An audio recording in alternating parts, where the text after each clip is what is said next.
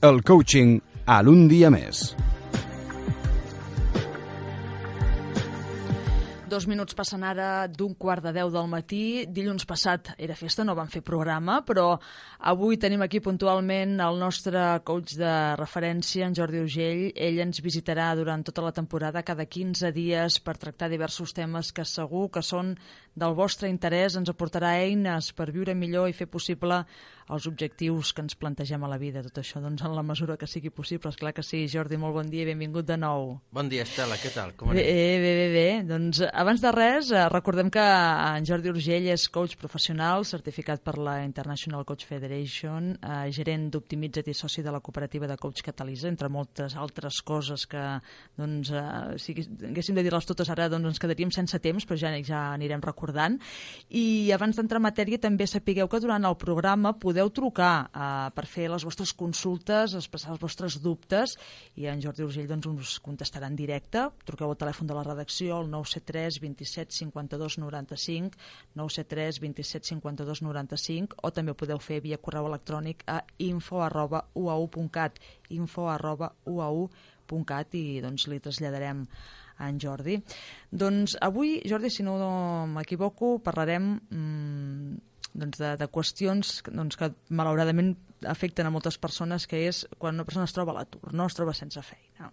Així és, Estela. Avui parlarem i donaré eines de com potenciar doncs, aquesta gran part de la població que per desgràcia està en atur i que en principi doncs, tampoc no, no hi ha vistes de que millorin a curt plaç. Uh mhm. Molt bé. Uh, hem de dir, justament la setmana passada coneixíem dades de, de l'atur a Lleida registrat i tornava a pujar en unes 1.000 persones durant el mes de setembre, per tant hi hauria uns 27.300 aturats ara mateix registrats, això uh, perquè després n'hi pot haver molts altres que ja no estat ni, ni consta no, a, a les llistes. Uh, molt bé, doncs tu com a coach què els pots dir a aquestes persones, Jordi?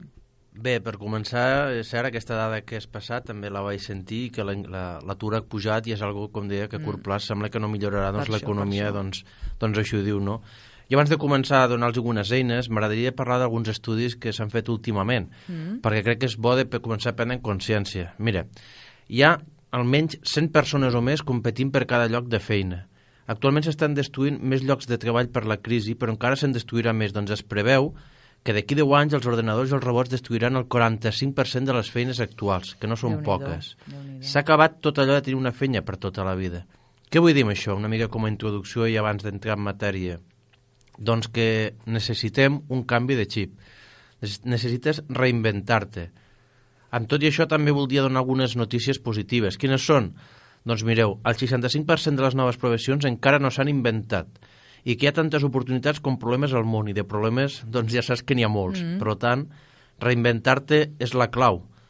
Accepta que algunes feines tenen les hores comptades, sobretot aquelles que poden fer màquines, com ara la de caixer, recepcionista, gent de viatges, però en canvi hi ha tot un munt d'oportunitats en, el, en les feines del futur com ara que podien ser consellers de productivitat, conductors de drons, consultors de privacitat, sabeu que amb les redes socials que a vegades mira més el tema de la privacitat, mm. expert en noves impressores 3D, en fi, hi ha un munt de feines noves Clar. i un munt d'oportunitats en les que la gent s'han d'anar plantejant aquestes noves possibilitats que hi ha dins el món. Mm -hmm. Per tant, això una mica seria el primer que, que els hi diríem, no? doncs uh -huh. que, hi ha, que tot i els problemes hi ha tot un món, d'oportunitats al, al davant, no? Això és. Molt bé a part de, doncs, de, de com deia, doncs, de d'aquestes eh, feines que van canviant, hi ha també oportunitats, d'acord? Llavors, el primer que has de fer si et quedes sense feina és no amagar-ho. Les mm. persones, el primer que senten és com si què he fet, no? He fet alguna mal fet, m'han fet fora, millor no dir-ho, que pensarà la gent de mi. Doncs no ho has d'amagar, perquè això l'únic que faràs és perjudicar-te, enfonsar-te encara més, posar-te en un pou de sense sortida. I a més a més, si la gent del teu entorn no ho sap, que estàs a, a l'atur, difícilment et podrà donar una feina que, que podria ajudar-te doncs, a sortir d'aquesta situació. Clar, no? clar, clar. Per tant, el primer pas, accepta la situació, eh? Eh, i com diu la paraula en xino, el seu significat és perill més oportunitat. Per tant, no t'ho mires com un perill, sinó com l'oportunitat de poder fer totes aquelles coses que fins ara sempre deies que faries no has tingut mai temps de començar. Doncs com ara eh, conèixer gent, aprendre noves coses, fer noves activitats i el més important, definir el teu atur, el teu, perdó, el teu futur. Uh mhm. -huh. Jo el que diria, resumint és que passis, deixis de ser víctima, de queixar-te i passis a ser actor. Accepta la situació i aprofita-la per donar un nou rumb a la teva vida. O sigui, per tant, aquesta és l'actitud fonamental que hem de, uh Mhm. -huh. eh, d'agafar en el moment que ens quedem sense feina. Sí, perquè Ahà. potser sí que, que hi ha gent doncs, que al primer moment fa com reticències no, de, Mm. de què pensaran, la culpa eh, que puguin pensar la gent, doncs, que Mhm. la culpa és teva, etc. Culpabilitzar-nos una mica, no? per tant, d'entrada Ahà. això fora. Ahà. Molt bé, què més us podries dir, Jordi? Doncs el més normal també en, en aquestes situacions, amb les experiències que he viscut, amb gent que, que em venen com a clients o tallers que he fet, és que tens por. Clar, tens por al desconegut. Mm. I ara què passarà? Què faré? Fins ara tinc una fenya, tinc un horari, està tot molt malament, la gent diu que està malament, no sé si trobaré fenya, no sé si podré pagar les meves despeses. Tenir por no és dolent. El que és dolent és no afrontar aquesta por.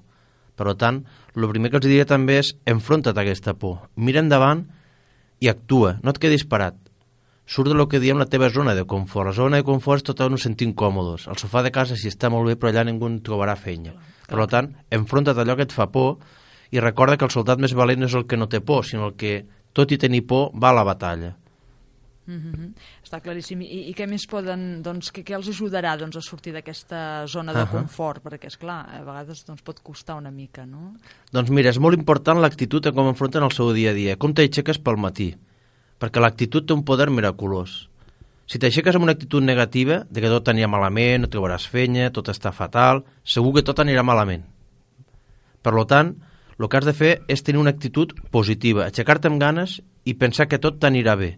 Jo sempre dic que l'actitud, perquè ho entengueu més fàcil, aniré posant exemples de coses mm -hmm. que anem comentant, és Sí. com la vida, és com l'eco. Si tu a l'eco li crides la vida és una merda, permeten l'expressió, no? No, no, està la clar. vida és una merda, tot em va malament, què et torna l'eco i la vida? El mateix. clar, Exactament la mateix, no? La vida és una merda, tot és malament, per tant, aixeca't una actitud positiva, enfoca't en el que tens, ja has aconseguit, que no és poc, i crida-li a la vida allò que vols i segur que la vida i l'eco t'ho tornaran. Bé, bé, bé, bé. Això d'entrada, doncs, evidentment, és, és aquesta part doncs, que d'actitud que hem de prendre, eh? però i, a l'hora de, de dir, vinga, va, doncs posem-nos-hi, posem-nos-hi, Mhm. per, per poder trobar feina, què hem de fer? El primer de tot és treballar la teva autoestima. Ja sé que molta gent dirà, bueno, cap on he d'anar, què he de fer... Comencem la casa pels bons fonaments. Mm -hmm. I els bons fonaments de tota la persona és l'autoestima, són les seves vigues mestres.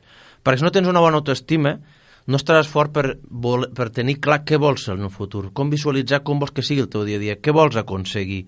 Per tant, treballem l'autoestima. Després ja anirem treballant eh, altres pautes que t'ajuden a trobar feina. Però sense una bona autoestima, com dic, és una viga mestra i en situacions complicades, quan et diguin que no, quan no trobis algun dia que et s'hagis tingut més tort, defalliràs.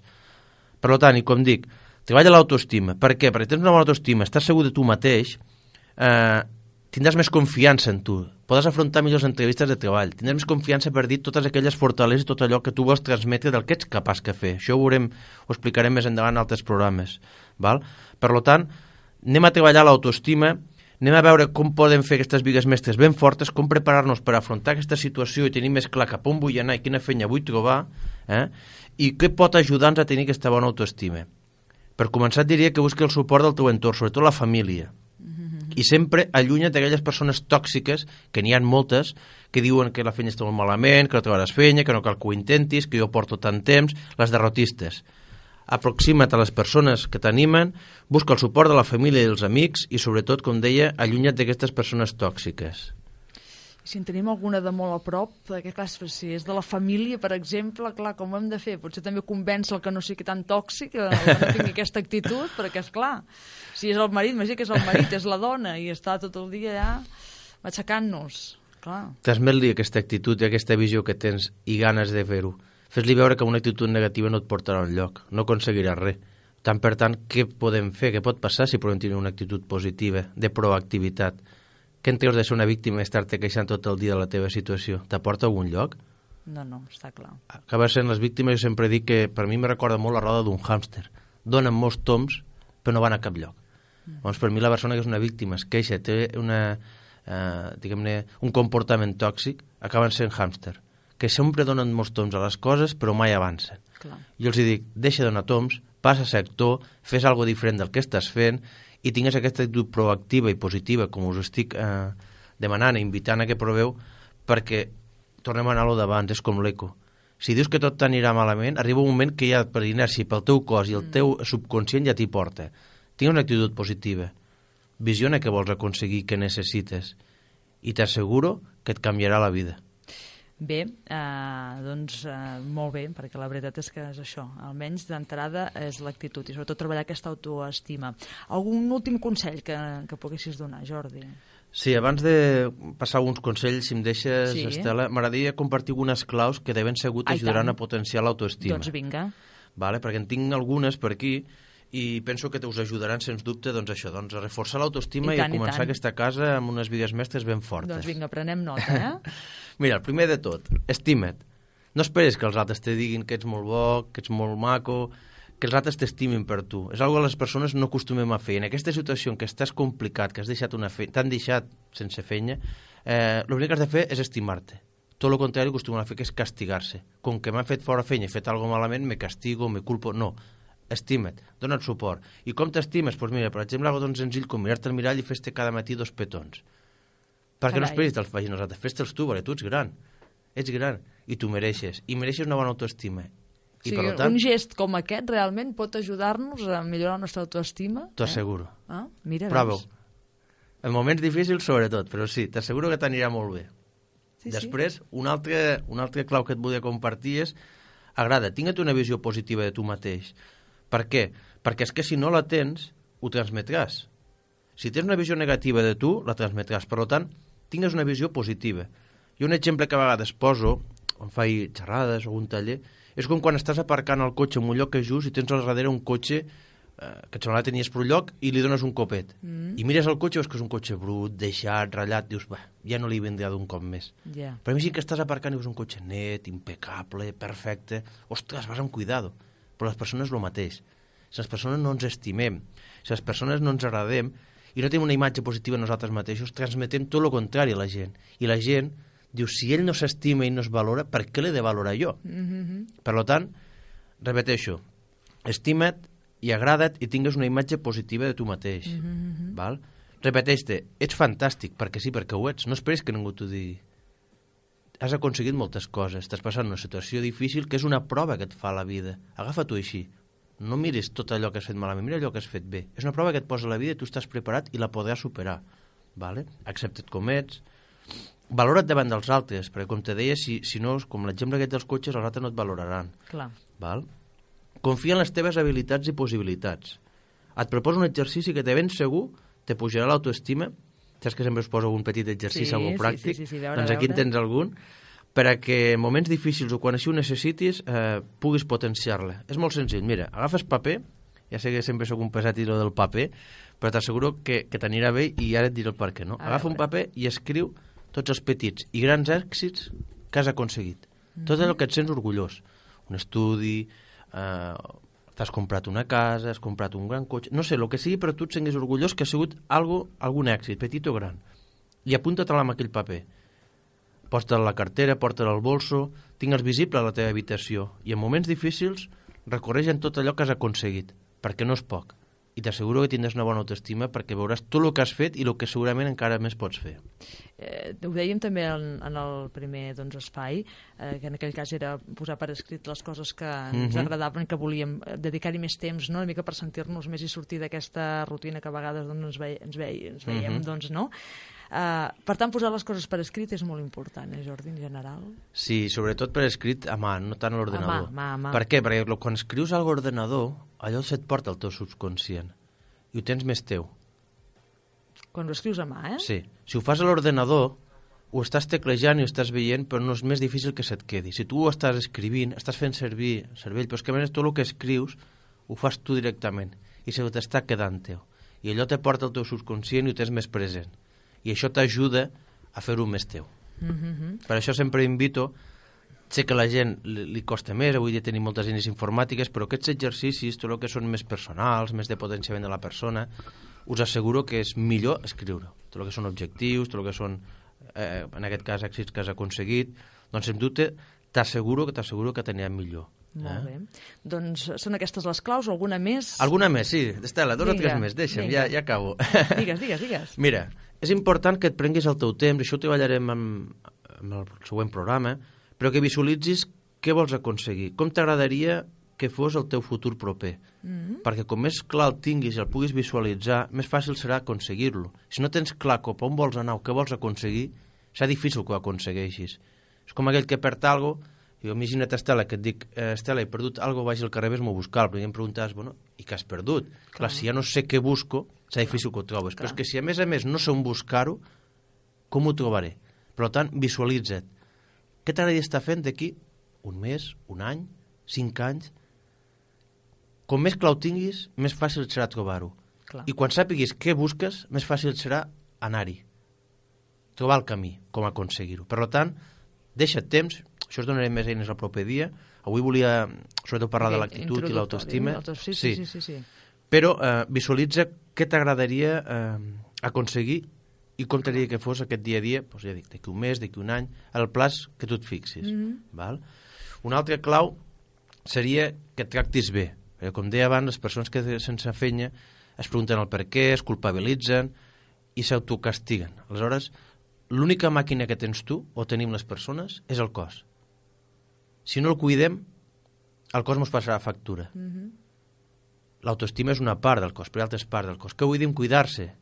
Menjar sa, menjar els menjars que toquen, encara que no estiguis treballant, sí que una fenya que tindràs ara és buscar fenya en si, però posa't els teus horaris, menja bé, fes esport, deixa't el teu espai per la teva ment, escolta música, però realment cuida el teu cos. Val? I per acabar, un últim consell per potenciar la teva autoestima és que mai, mai deixis que ningú diguis que no pots, que no ho aconseguiràs. No ho permetis. És molt important. Mm -hmm. D'acord? Sé que aquestes claus són més fàcils de dir que a vegades potser de fer, però bueno, com ja vaig dient i, i sempre recordo als coach pues, eh, no només parlem, sinó que us invitem a l'acció. De res serveix tot el que diem clar, aquí clar, clar. si no ho portes a l'acció. Per tant, no sé si tot, però sí, queda't amb una part i fes-ho. Fes-ho ara, no esperis demà, ni demà passat. Fes-ho, comença. Fes-ho. És així de simple. Doncs per seguir reflexionant sobre això, en Jordi doncs, ens ha portat també el que és la, la frase de, del dia, eh, uh -huh. que mhm. ara mateix ens, ens dirà. Quina és aquesta frase del dia, Jordi? Doncs mira, és una de les meves preferides. En tinc bastantes, però aquesta és una de les que més m'agrada i volia compartir avui en aquest primer programa que parlem doncs, dels aturats, no? aquesta situació tan complicada. La frase és aquesta, mira, lluitar no garanteix l'èxit, però no fer-ho garanteix el fracàs. Ja em tornem-hi. Lluitar... Lluitar no garanteix l'èxit, però no fer-ho et garanteix el fracàs. Està clar, està clar. Res del que jo us digui us garanteixo que trobareu feina una setmana, un dos, un mes. Però el que sí que us dic és que si no feu res del que us dic, o us poden dir un altre costat, gent que realment doncs, sabi de què va, no aconseguireu trobar feina. Per tant, us invito, com deia abans, a posar almenys un gram de tot el que us dic en acció en lloc d'acumular mil quilos de coneixement i no fer res. Està clar, està clar. Vale? Està Lluiteu, clar. no sé què passarà, però sens dubte, si no ho feu, sí que sé el que, lo que sí que passarà, que és que no trobareu aquesta feina que voleu. Doncs, eh, en fi, és que més clar l'aigua, no?, una mica, vull dir, és que és, són coses de, don, bé, doncs de, de, de lògica, però que a vegades costa si no, no? si no ens dediquem un moment a pensar-hi, uh -huh. doncs que, que, en fi, doncs que és així, no?, a la vida les coses van d'aquesta manera. Molt bé.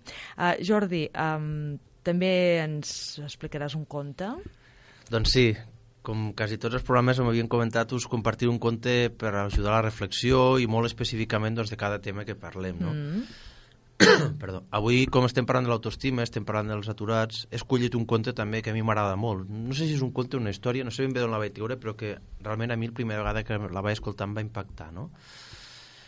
Doncs bé, us ho explico. Diu, Vinga, diu que hi havia una vegada un professor ancià, molt savi, i que tenia davant una sèrie d'alumnes joves d'un dels barris marginats i més problemàtics, on joves que havien passat per situacions complicades, no? Mm -hmm. I aquest professor ja havia intentat animals, havia intentat eh, potenciar, doncs, com diem aquí, la seva autoestima, ajudar-los a créixer, i, bueno, un dia se li va ocórrer una brillant idea, no? I va agafar un bitllet de 50 euros, eh? imagina't tu ets el professor, un bitllet de 50 euros, i va ensenyar-los i va dir qui vol aquest bitllet. Lògicament, doncs, tots els jovents van dir jo, jo, jo, jo, jo, jo. Diu, molt bé. Va agafar el bitllet amb una mà i el va arrugar tant com va poder, no? Imagineu-vos prement-los amb el puny, no? Els sí, va dir, sí, sí, i ara sí. qui vol aquell bitllet? Tots van dir, jo, jo, jo, jo, jo. Llavors va agafar el bitllet i se'l va tirar darrere a l'esquena, no? mirant-los amb ells a la cara, imagina't, tires el bitllet a darrere, de 50 sí, sí. euros tot arrugat, perquè abans ja l'havies premut, i els hi va preguntar, i ara qui vol aquest bitllet? Tots van quedar una mica parats, pues jo, jo, jo, jo. Va, se va girar, va agafar el bitllet amb la mà, el va tornar a esprenyer, imagineu-vos el bitllet tot arrugat, el va tirar a terra i el va aixafar. I el va tornar a agafar, doncs, ja arrugat, brut, xafat, i els va dir, i ara qui vol aquest bitllet? I tots van tornar a mirar eh, una mica estrenats i van dir, jo, sens dubte, jo, jo, jo, jo el vull. Llavors va agafar el bitllet, el va obrir cuidadosament, se'ls va mirar i els hi va dir, mireu, aquest bitllet sou cadascú de vosaltres. Quan alguna vegada algú us vulgui espremer, us dongui l'esquena, o us trepitja us vulgui trepitjar, mai oblideu el vostre valor, què és el que realment valeu, i mai, valeu, i mai permeteu que ningú, absolutament ningú, us faci perdre el valor que realment valeu. Bé, bé, bé, bé, bé, bé. Molt, molt bo, molt bo. Aquest, doncs aquesta història, aquest conte, podríem dir, del, del bitllet, doncs que per més que l'hagin eh, doncs espremut, que l'hagin trepitjat, continua tenint un valor i això doncs ens ho podem aplicar també a les persones, no? Sens molt dubte. Bé. Molt bé, doncs eh, avancem perquè ara ens queden ja poc temps, però com sempre eh, us diem que podeu fer-nos arribar les vostres consultes, eh? o trucant al telèfon de la redacció, el 973 27 52 95, o enviant un correu electrònic a info arroba uau.cat, i si no, doncs també el que hem fet nosaltres és recollir eh, preguntes dels nostres oients, i si et sembla, escoltem-la d'aquesta setmana, Jordi, Perfecte. i la responem. Em dic Carlota i la meva pregunta és com podria gestionar el fet d'haver-me juntat amb unes sòcies per crear un negoci i actualment adonar-me de que em vaig equivocar, que no les voldria, que m'havia d'haver muntat pel meu propi compte com a professió liberal i no em puc separar actualment d'elles per motius econòmics. Gràcies. Bé, doncs aquí tenim una, aquesta situació, doncs un negoci, una professió liberal, s'han fet unes sòcies i n'hi ha una que diu no, no, em vaig equivocar, però ara mateix no puc fer-me enrere i clar, hi ha un, suposo, doncs entenem que ha d'haver algun conflicte i com ho pots gestionar, no? Uh Mhm. -huh. Què li diria Jordi a la Carlota? Doncs, bueno, primer de tot, agrair a la Carlota el compartir la seva situació i la seva consulta, no? Jo el que li diria és que el primer que ha de fer d'aquest passat i dels errors, mm, per molt que dongui tons no hi pot canviar res, perquè trobo la seva veu com una mica de ressentiment, no? Per tant, per molts tons que hi donguis, el que vas decidir vas fer, fet està.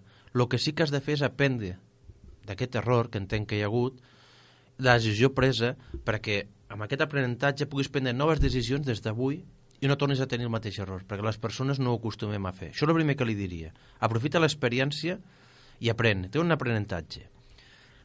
Perdó. Respecte a la qüestió de que no et pots separar per motius econòmics, amb el coaching un dels principis que tenim és que les millors respostes estan dins de cadascú. El que hauria de fer és que es busqui un lloc tranquil, sense telèfon, sense mòbil, sense WhatsApp, sense tele, un lloc tranquil, i es faci aquestes preguntes, que és on trobarà realment la resposta que necessita. Mira, la primera que s'hauria de fer és què passaria si en un any tot continués com ara? Mm? Què passaria si en un any tot continués com fins ara? És a dir, que no canvia la situació, perquè diu que no es pot separar per motius econòmics, vale? I què passa si un any tot continua igual, amb aquesta mala situació que estàs vivint, amb aquest dia a dia que entenc és complicat? Què passaria? La segona és què és tot allò que t'estàs perdent continuant amb la situació actual i sense fer res al respecte? Què t'estàs perdent? Quines oportunitats pel fet d'estar lligades amb aquestes persones quan no ho desitges o veus que t'està perjudicant? Què t'estàs perdent? I no fas res al respecte. Tu has dit el tema situació econòmica. És cert, segur que hi és, però a vegades és més a vegades una excusa en la que eh, posem per no enfrontar-nos que no una situació real. No vull dir que no hi sigui, segur que hi és. Però bueno, i què t'estàs perdent de no prendre una, una determinació, no? Mm -hmm. I l'última pregunta que li faig, l'última reflexió que s'hauria de fer és, eh, imagina't que ha passat 5 anys, estàs a l'octubre del 2019, què no et perdonaries no haver fet respecte a aquesta situació? Si et contesta aquestes preguntes i busques dins teu, trobaràs les respostes i sabràs què has de fer. Perquè ningú millor que tu t'ho pot dir. Ni un coach, ni busquis ningú. Perquè amb el coaching, com diem, jo aquí doncs comparteixo alguns, algunes idees, algunes eh, possibilitats, però realment un coach, com diem, mai et diu exactament què has de fer. Clar, esclar. Perquè les millors solucions estan dins teu. Sí, no hi ha sí, dues sí, persones sí, sí. iguals en el món. Mm -hmm. Ni ningú ha viscut dues situacions similars. I per molt que busquis que algú et digui què has de fer, ningú sap què és el millor per a tu. Busca les respostes dins teu i les hi trobaràs, segur. Doncs mira, respostes eh, que ha de trobar, que haurà de trobar la Carlota fent-se aquestes preguntes en un lloc doncs, tranquil, com deia en Jordi Urgell. Recordem que mm, aquesta, aquesta secció, per si algú la vol recuperar mm, doncs, i escoltar-la amb més tranquil·litat i a veure quina pregunta deia, quines eren les claus per, per millorar la nostra autoestima, ho podran fer d'aquí molt poca estona, penjarem el podcast a la pàgina web d'UAU Ràdio i per tant doncs, allà el trobaran i el podran escoltar amb, amb tota la calma del món. Mm, ho hem de deixar aquí perquè se'ns acaba el temps i recordar també, eh, perquè això també ho han de saber els nostres oients, que tenim eh, una proposta doncs, que fa en Jordi, que és que si participeu amb nosaltres us fa un oferiment, Jordi, eh? Uh -huh. Així és, sí. Bueno, mm, donant-hi toms, i amb l'oportunitat que tenim doncs, en Ràdio UAU de compartir aquesta estona eh, i aquestes, aquestes eh, propostes que fem des del coaching, doncs se'ns va ocórrer doncs, de proposar a la gent que vulgui participar, doncs, enviar les vostres preguntes, sigui un email, sigui al carrer, sigui doncs, en directe, doncs cada mes, dos mesos, segons les, les, les consultes que hagi hagut i la interacció, doncs farem un petit sorteig entre totes les persones que han interactuat d'una sessió de coaching, eh, valorada doncs, més de 100 euros, eh, que totalment sense cost doncs, oferiré a la persona que, que sigui agraciada doncs, amb aquesta sessió de coaching per a treballar el que ella desitgi i ajudar-la o potenciar-la doncs, en la part de la seva vida doncs, que així ho necessiti. Eh? Molt bé, doncs queda dit, podeu trobar més informació d'en Jordi Ugell a la pàgina web www.optimitzat.com eh, si ens truqueu aquí doncs, també us podem facilitar doncs, el seu contacte i el que fem ara ja és acomiadar-lo al Jordi Ugell, coach professional, gerent d'Optimitzat i moltíssimes coses més Moltíssimes gràcies per acompanyar-nos, com sempre. D'aquí 15 dies ens retrobem i eh, anirem aprofundint en coses que avui hem apuntat, eh? Doncs sí, el proper dia no us ho perdeu perquè us donarem més eines de com trobar feina. Anirem entrant que tenim una bona autoestima, anirem entrant amb altres parts claus i el que concretament tractarem és eh, com transformar les teves habilitats en diners i amb un exercici per saber cap on enfocar-te, cap on t'ajudaria o cap on hauries d'anar segons la teva situació. Doncs no us ho perdeu. Jordi Urgell, moltíssimes gràcies. Que vagi bé. Gràcies, Estela. Bona setmana. Bona setmana.